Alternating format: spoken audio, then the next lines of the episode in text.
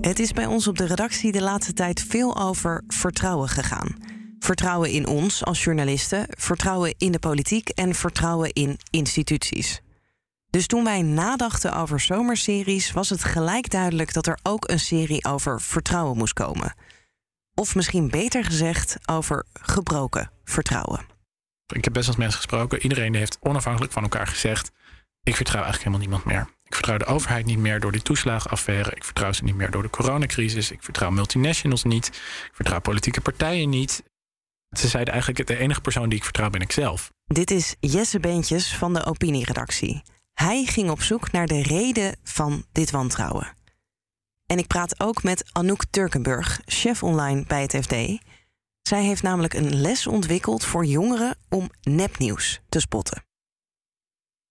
Daarna hoor je van Jean Dome. Inmiddels algemeen verslaggever van het FD, maar van 1997 tot 2005 liep hij rond in Den Haag. Als parlementair verslaggever en later ook als chef van de politieke redactie van het Algemeen Dagblad. Jean voorziet een lastig najaar voor de politiek. Met allerlei dossiers die maar door blijven slepen. En we hebben het over de populisten die hier handig op inspelen. Dit is De Week Voorbij, de weekendpodcast van het FD. Mijn naam is Paulien Suuster. En er was één uh, vrouw die, die observeerde al dat ik met mensen aan het praten was. En toen, ja, ze zat vlak bij mij, dus ik dacht, nee, ik ga haar ook uh, aanspreken. En zij was de enige persoon die echt niet met mij wilde praten. En dan kwam een soort van boosheid vanuit haar. Van ik wil niet met jouw soort mensen praten. Je hoorde Jesse net al even. En Jesse werkt dus op de opinieredactie van het FD. Samen met onze collega Ahmed Majid ging hij naar de theatershow van influencer Boy J. Dat, dat is wel, dat resoneerde wel heel erg. Ook tijdens die voorstelling heb ik daar nog heel vaak aan gedacht. Ik dacht van, oh ja, er zitten hier ook echt mensen in de zaal die dit dus wel echt vinden. Dat ik als journalist en mijn collega Ahmed als journalist uh, ja, toch een soort van representatie van het kwaad waren of zo. Ja. Deze vrouw was dus een van de bezoekers van de theatershow van Boy J. En voordat we het gaan hebben over waarom Jesse hier zo graag heen wilde, stellen we je voor aan Jay. This is your boy Jay Jagger, the realest nigga in the place. En vandaag gaan we even een hele andere video doen. Ja, vandaag wordt het de Wie ben ik video. Want jullie kennen me wel, maar jullie kennen me niet. Snap je wat ik bedoel? Hij is een uh, influencer. Hij heeft uh, bijna 300.000 volgers op uh, Instagram. Um, voorheen was hij bodybuilder en boekhouder. Um, en hij is bekend geworden in 2018 toen hij aan Temptation Island meedeed van RTL. En tijdens de coronapandemie heeft hij zich eigenlijk ontwikkeld tot een soort criticus van het coronabeleid. En dames en heren, ik ben blij. Because versoepelingen, versoepelingen, versoepelingen. Mopkampjes opdonderen, anderhalve meter opdonderen, coronapas opdonderen. En nu denk je van nee, je lult. Nee, is echt zo. Ja, daar, is hij, daar, daar heeft hij heel veel volgers mee gekregen. En daar, daar haalt hij nu ook uh, volle zalen mee. Waarom vond jij hem zo interessant? Waarom wilde je meer over hem en zijn publiek weten? Nou, het kwam eigenlijk. Um, er was sprake van een serie uh, bij het FD over vertrouwen. Uh, met allerlei verschillende thema's. En er was een soort rondvraag vanuit, uh, vanuit de redactie gekomen: van zijn hier ideeën over? over um, nou, wat, wat, wat roept vertrouwen bij je op? Ja. En um, ik had daarop gereageerd, want ik, ik ben zelf heel erg geïnteresseerd in vertrouwen in de journalistiek. Uh, en mijn collega Ahmed had daar ook op gereageerd. En die had een soortgelijk idee. En hij was dus met, met Jay gekomen. Um, en toen was er al gauw een chef en die zei van... nou, ga bij elkaar zitten, misschien kunnen jullie dit samen doen. Uh, ik, had, ik kende hem wel van Temptation Island... maar ik had eigenlijk niet zo meegekregen dat hij zo ver... Zo'n corona-criticus ja, was geworden. Ja, dat, dat, wel, want hij had bij Op 1 ook gezeten. Dat, dat wist ik wel. Maar dat, dat het nog steeds gaande was... en dat hij daar ook theater mee in ging... Dat wist ik niet. En uh, nou, toen ontstond al snel het idee, laten we daar nou met z'n tweeën heen gaan en kijken nou, wat voor mensen daarop afkomen. Um, en misschien dan uiteindelijk gaan we dat als een onderdeel van een verhaal gebruiken. Maar toen wij daar waren geweest, dan dachten we eigenlijk, nou, dit is eigenlijk al het verhaal. Want met welke vraag ging je daarheen? Wat hoopte je te leren? Nou, um, zijn al die mensen complotdenkers, denk ik. Ik denk dat dat een beetje de, de eerste vraag was waar ik daarheen ging. Ik, die vraag heb ik beantwoord, dat is nee. En ik, maar ik was vooral eigenlijk vooral heel nieuwsgierig van wat voor mensen komen daar nou precies op af. Geloven die alles wat hij zegt? Hoe, hoe is hun vertrouwen in de media, in ons als journalisten? Wat doet hij tijdens die theatershow? Ja, en wat hij eigenlijk doet in die show, die show heet Politiek Correct. Daar gaat hij eigenlijk in op allerlei ja, maatschappelijke fenomenen op een soort van grappige manier. Um, dus tegen uh, woke denken, tegen slachtofferschap, um, tegen politieke correctheid dus. Um, en tegen de media, tegen Mark Rutte ook. En tegelijkertijd is hij vooral ook ja, een soort, soort positiviteitsdenken aan het promoten. Dus op een soort hele vrolijke, grappige manier. Dus hij danst ook heel veel. Hij deed op een gegeven moment vertelde hij dat hij stripper is geweest. En dan ging hij voordoen hoe hij dan bij, bij oude vrouwen ging strippen. Ja. Uh, en, uh, en dat, dat wisselt dan heel erg af. Dus hij had, op een gegeven moment had hij ook zijn, zijn zus op het podium gehaald, die uh, MS had en die zwaar overgewicht had. En die dan nou, in de reguliere zorg geen ehm, hulp kon vinden. En ehm, daar, ja, daar, dat, hij vertelde dan dat er, dat er een um, andere arts was geweest, een soort alternatieve arts, en die had haar kunnen helpen. En uh, daardoor was ze heel erg afgevallen. En op een gegeven moment kwam dus ook, werd ook die zus op dat podium gezet. En er werd, uh, die arts werd op het podium gezet. En de hele zaal ging klappen. Um, en daarmee probeerde hij ook denk ik te illustreren van ja, je kan ook controle nemen over je leven. En uh, je, je, hebt, slachtoffers en je hebt winnaars. Dat was een beetje het verhaal waar het steeds over ging die, die soort van levenshouding, die, die, dat, dat zat heel erg door die hele voorstelling heen.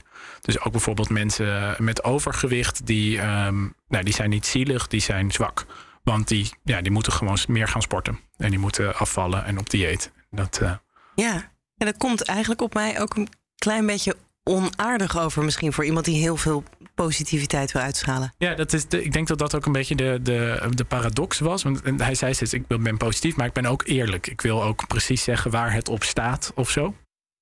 Um, ja. Dus dat, ja, ik, ik vond hem ook best wel stellig op, op momenten. En dat pakte die zaal. Dus want dat, je kon een soort van live meekijken wat de zaal oppakte. En die reageerde er eigenlijk heel goed op. Die vond dat allemaal heel, heel interessant en heel, uh, heel mooi. Ja, ja. Het gaat dus niet alleen maar over corona. Het gaat heel breed over van alles. Nee, het ging echt bijna niet over corona zelfs. Um, hij zei dat ook op een gegeven moment van we moeten afkicken van de complottheorieën. Um, maar ik denk dat hij, dat hij een soort van maatschappelijke visie of zo heeft waarin je alles kan zeggen. Dus hij is heel erg tegen politieke correctheid. Ja. Um, en mensen komen daar heel erg op af, uh, omdat ze dan vinden dat hij heel erg zichzelf is. En ja, dat, dat, dat, ik vond dat heel interessant om te zien. Ja. Jesse was vooral benieuwd wie hij ging aantreffen in het publiek. Hij zei net al even dat hij vooraf dacht een behoorlijk goed beeld te hebben van wie hij daar zou vinden. Maar Jesse werd met zijn eigen vooroordelen geconfronteerd we kwamen daar en we zeiden al heel snel tegen elkaar: dit, dit, ja, dit valt gewoon niet samen te vatten. Het was echt alle leeftijden, verschillende geslachten. Um, uh, mensen van kleur, witte mensen. Je zag mensen met een hijab. Je zag um, vrouwen met een parelketting. Uh, ja, mensen, en ik heb een buschauffeur gesproken. Um, mensen die in de zorg werken. Ja, dit, ik vond het echt heel divers. En ik zou ook, ja, ik was ook op een gegeven moment aan het nadenken: kan ik nou een soort van samenvatten? Is het één bepaalde partij die deze mensen bijvoorbeeld stemmen. Nou, ik denk dat ze geen VVD meer stemmen. Misschien hebben we het vroeger wel gedaan. Want er was op een gegeven moment dat hij zei... Mark Rutte moet aftreden. En die hele zaal ging heel hard klappen. En uh, dus dat, ik denk dat ze dat niet meer gaan stemmen. Maar verder, ik zou het echt niet kunnen zeggen... wat hun, uh, hun politieke overtuiging was. Nee. Ben je veel FD-lezers tegengekomen? Mm, nou, de mensen die ik heb gesproken niet. Maar wat ik wel heel opvallend vond, was dat uh, meerdere mensen tegen mij hebben gezegd. Omdat het dus ook in die voorstelling ging het over uh, die, die mediaconcerns. En toen, toen hebben meerdere mensen uit zichzelf tegen me gezegd: ja, maar het FD is in elk geval onafhankelijk. Want dat is zijn eigen concern, dus FDMG. Dus dat, ik vond het was een soort twijfelachtig iets, maar ik was er toch ook wel trots op of zo. Uh, ja, je stond een beetje aan de goede kant ja, in hun precies. ogen. Ja, ja. Ja, en ook van was niet zo erg als, uh, als uh, weet ik veel, NRC.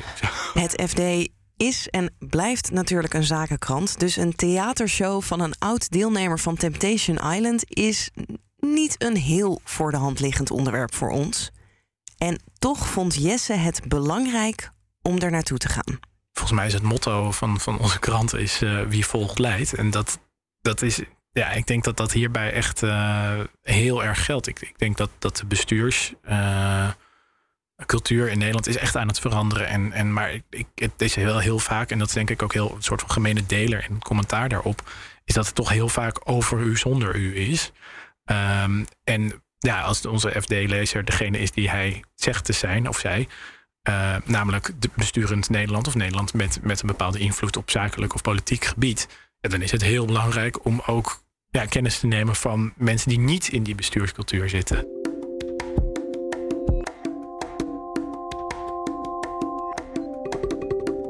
Ik heb zelf um, ook jonge kinderen. Um, en, en zij komen veel meer dan ik vroeger bijvoorbeeld in aanraking met nieuws. Maar ook veel vaker komen zij in aanraking met nieuws waarvan je je kunt afvragen: is het nou echt waar? Um, en dan komen ze uh, met, met een feitje bij mij en. en uh, uh, en ik vraag dan van, hè, maar, maar waar heb je dat vandaan? En dan zeggen ze van ja, van, van die en die influencer of die en die op Instagram. En, en die heeft, die heeft 2 miljoen volgers. Dus het is waar. Dit is Anouk Turkenburg, chef online van het FD. En ook Anouk is bezig met vertrouwen in de media. Ze heeft samen met collega's van het FD en BNR Nieuwsradio een cursus gemaakt speciaal voor scholieren, die ze moet helpen om om te gaan met desinformatie. De jongeren leren hoe journalisten werken, waar je op moet letten bij berichten en hoe je nieuws checkt. Zij willen ook niet uh, informatie tot zich nemen die eigenlijk enorme onzin blijkt te zijn. Dus ze willen echt wel weten hoe, ja, hoe de wereld in elkaar steekt, hoe de journalistiek te werk gaat. Um, dus er was echt wel, wel heel veel interesse ook. En het allerleukste moment was uh, dat we na de uh, na de workshop uh, liepen, we, liepen we in het, in het trappenhuis daar in deze school. En toen, toen riep er nog zo'n leerling zo in dat trappenhuis naar ons van... het was een hele leuke les hoor. En nou ja, dat je wel denkt, hè, oh, daar doen we het allemaal voor. hoe lang zit jij zelf al in de journalistiek? Ik zit... Jeetje, volgens mij een jaar of twintig in de journalistiek. Ja, en heb jij het in, door die tijd zien veranderen? De, nou ja, de opkomst van desinformatie of nepnieuws? Ja, ja, dat, dat, ja, dat heb ik wel zien veranderen. Dat, um, uh, toen ik begon was er natuurlijk nauwelijks iets uh, uh, beschikbaar online. en, en gingen eigenlijk vooral de traditionele nieuwsmedia... die gingen gingen zich presenteren um, op internet. En, en vervolgens is er natuurlijk een hele andere. Zijn er veel meer influencers, veel meer nieuwsmerken bijgekomen. Dus dat is, dat is ontzettend veranderd. Ja. Het was als kind toen, denk ik, een stuk overzichtelijker om te weten wat echt is en wat niet. Ja, dat denk ik ook. Dat denk ik ook. Dan keek je het jeugdjournaal en nou, dan wist je het wel. Denk je dat wij als journalisten of misschien als krant ook nog iets anders kunnen doen om dit te verbeteren? Bijvoorbeeld, uh, weet ik niet, meer inzicht geven in, in hoe wij werken, breder dan bijvoorbeeld dit soort lessen? Ja, ik denk dat dat altijd goed is. Ik denk wat ook heel erg helpt, is dat we uh, zelf kritisch blijven en ook open zijn um, over, over de fouten die we maken. Want ja, ook, ook traditionele uh, nieuwsmedia maken ook fouten. Um, en inderdaad transparant zijn over de manier waarop je, op je werkt, vind ik, vind ik hele belangrijke uh, principes. Waarom doet het FD dit eigenlijk? Want wij zijn natuurlijk nou ja, best wel een niche krant ook. Misschien zou je mhm. eerder denken aan nou ja, bijvoorbeeld een NOS die er voor iedereen is. Ja, ja, of een RTL Nieuws. Of een, maar dat mag ook, hè? Dat, um, uh, wij hebben dit opgezet, maar uh, we zijn zeker niet. Uh, we willen dit niet exclusief voor ons houden. Um, ik denk juist dat hoe breder en hoe meer uh, andere journalisten, en of ze nou bij een krant werken of een uh, radio, tv, noem maar op. Uh, dat is ook wel, hopen we, um, dat dit project teweeg gaat brengen. Als je die workshop ook wil gaan geven op een school die je kent of, of waarvan je weet dat er animo is, ja, meld je alsjeblieft en dan, dan zullen wij je vertellen hoe het werkt. En dan, uh, dan kan dit hopelijk ook nog meer impact hebben. Als je in contact wil komen met Anouk, kijk dan even in de show notes van deze afleveringen in je podcast-app of kijk op de website van het FD en zoek dan even de week voorbij. Dan vind je haar e-mailadres en ook die van collega Hella Huuk, die samen met haar de cursussen regelt.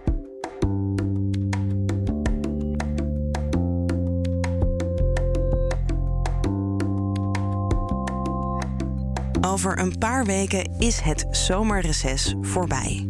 En stromen de gangen van het Tweede Kamergebouw weer vol met Kamerleden en journalisten. Even rustig achteroverleunen zal er niet bij zijn. Als ik dan toch even vooruit mag blikken op de komende maanden.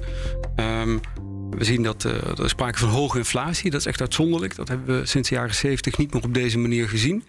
Uh, we hebben eigenlijk al een, een, een, aantal opzichten wat geagiteerde samenleving. Met een, een, toch een procent of vijf à tien mensen die uh, grote bezwaren hadden tegen het coronabeleid. Die zich ook afkeerden van, van, van de media en, en van de politiek. We zien dat vertrouwen in de politiek niet heel hoog is. Nou, als daar nu hele hoge prijzen bij komen, prijsstijgingen die we al zien, als uh, gas nog duurder wordt, mensen moeilijker rond kunnen komen, dan is dat denk ik wel een voedingsbodem voor, voor populisme. En, en dat zou kunnen betekenen dat, die, dat dus meer mensen in de verleiding komen om hun stem op dit soort protestpartijen, want dat zijn het dan, uit te brengen. Ja. Maar dat is allemaal koffiedik kijken. Je hoort Jean Dome, algemeen verslaggever bij het FD. En daarvoor heeft Jean lang in Den Haag gewerkt. In 1997 begon hij en in 2005 ging hij weer weg. En dat was natuurlijk een boeiende periode, want dat weet je niet op het moment dat je erheen gaat. We begonnen midden in, in de periode van die paarse kabinetten. En uh, op een gegeven moment kwam Pim Fortuyn op. En zagen we eigenlijk, en dat is eigenlijk na 9-11 begonnen.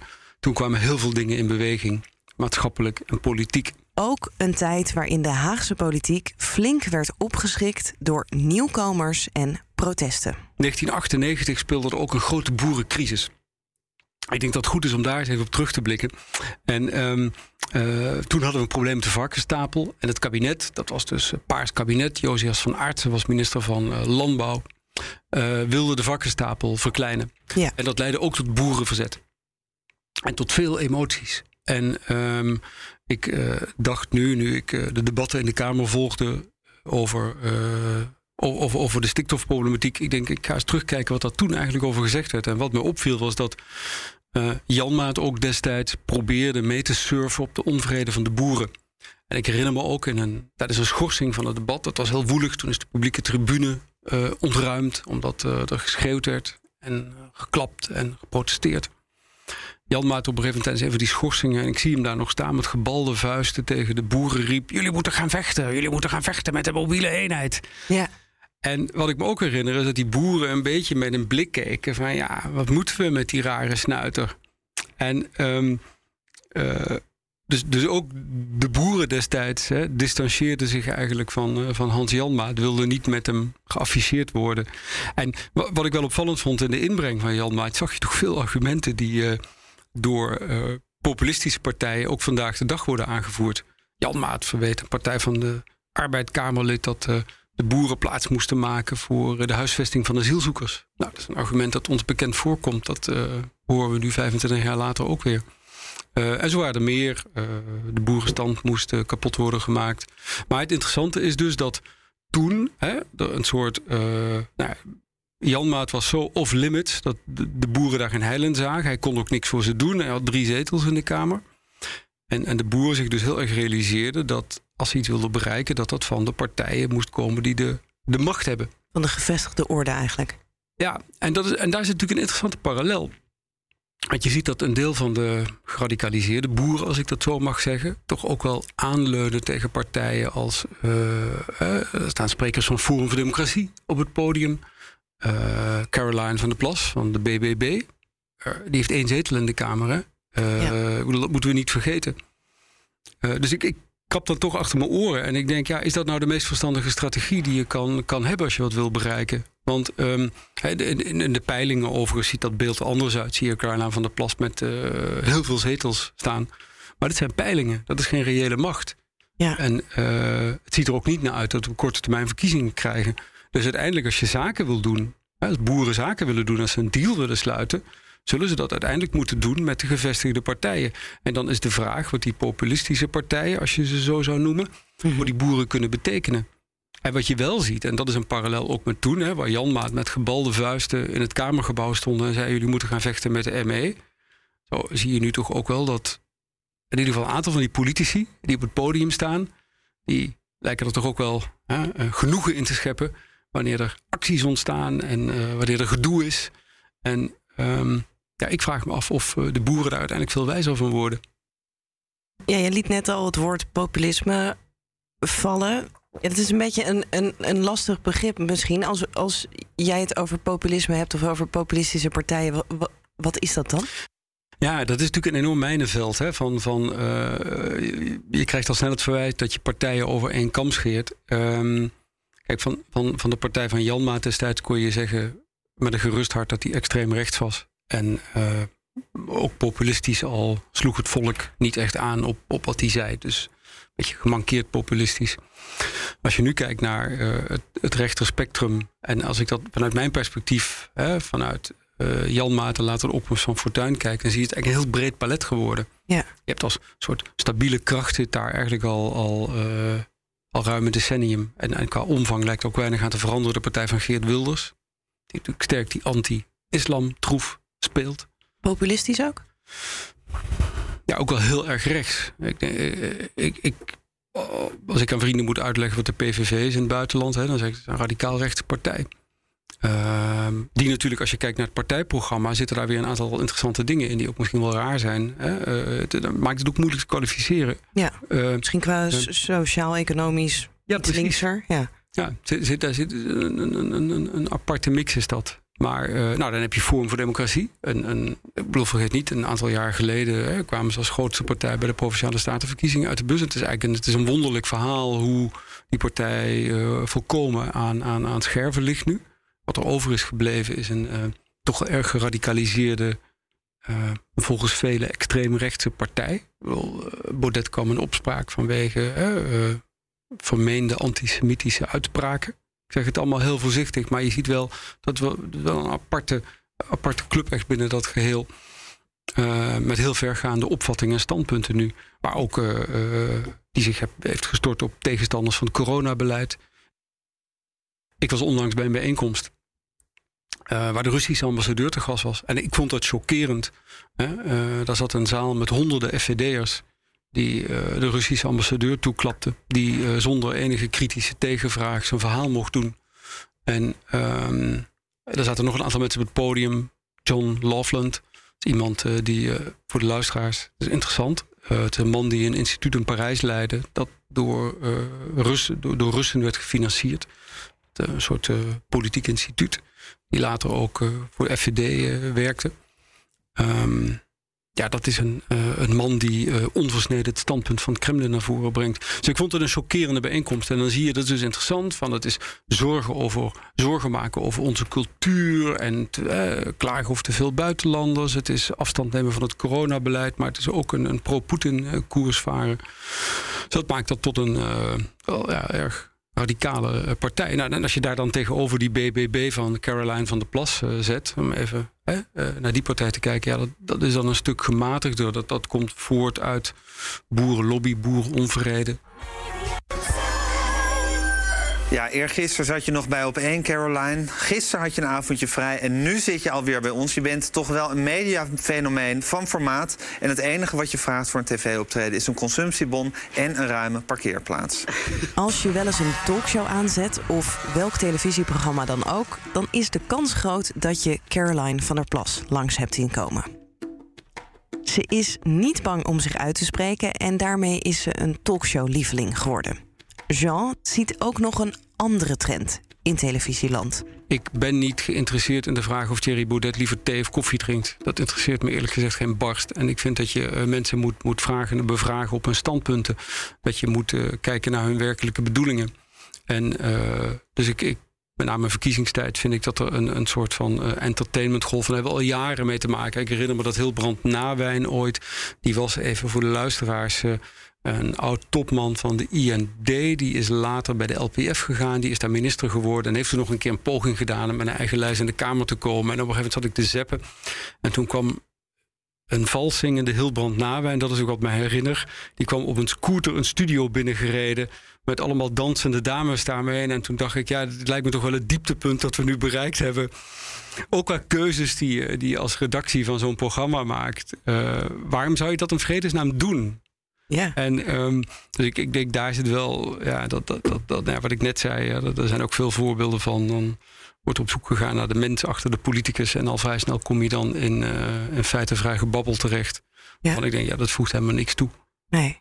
De- Denk je dat we het een beetje hebben geaccepteerd in die, eh, nou ja, laten we zeggen, twintig jaar populisme, dat gewoon een deel van ons parlement populistisch is? Dat is er nou eenmaal. Ja, maar we hebben daar niks aan te accepteren. Ik bedoel, we hebben verkiezingen en eh, mensen stemmen zoals ze stemmen. Ja. Dus het, eh, wat je wel ziet is dat het, het aandeel van die stemmen grosso modo vergelijkbaar is. Hè, 2002 nu. Ja. Een beetje toegenomen, denk ik, maar dat schommelt wat. Dus het, het, het, het blijft een redelijk stabiele groep, is mijn idee. Als je het er zo weer uitgebreid over hebt, over de politiek en het aan het analyseren bent, mis je het dan, Den Haag?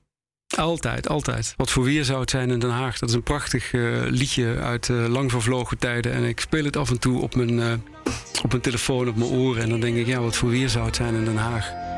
Wat voor weer zou het zijn in Den Haag? En ik kom er nog af en toe. Dan via een zij-ingangetje. En dan ga ik even kijken en praten met mensen. Bevalt me goed.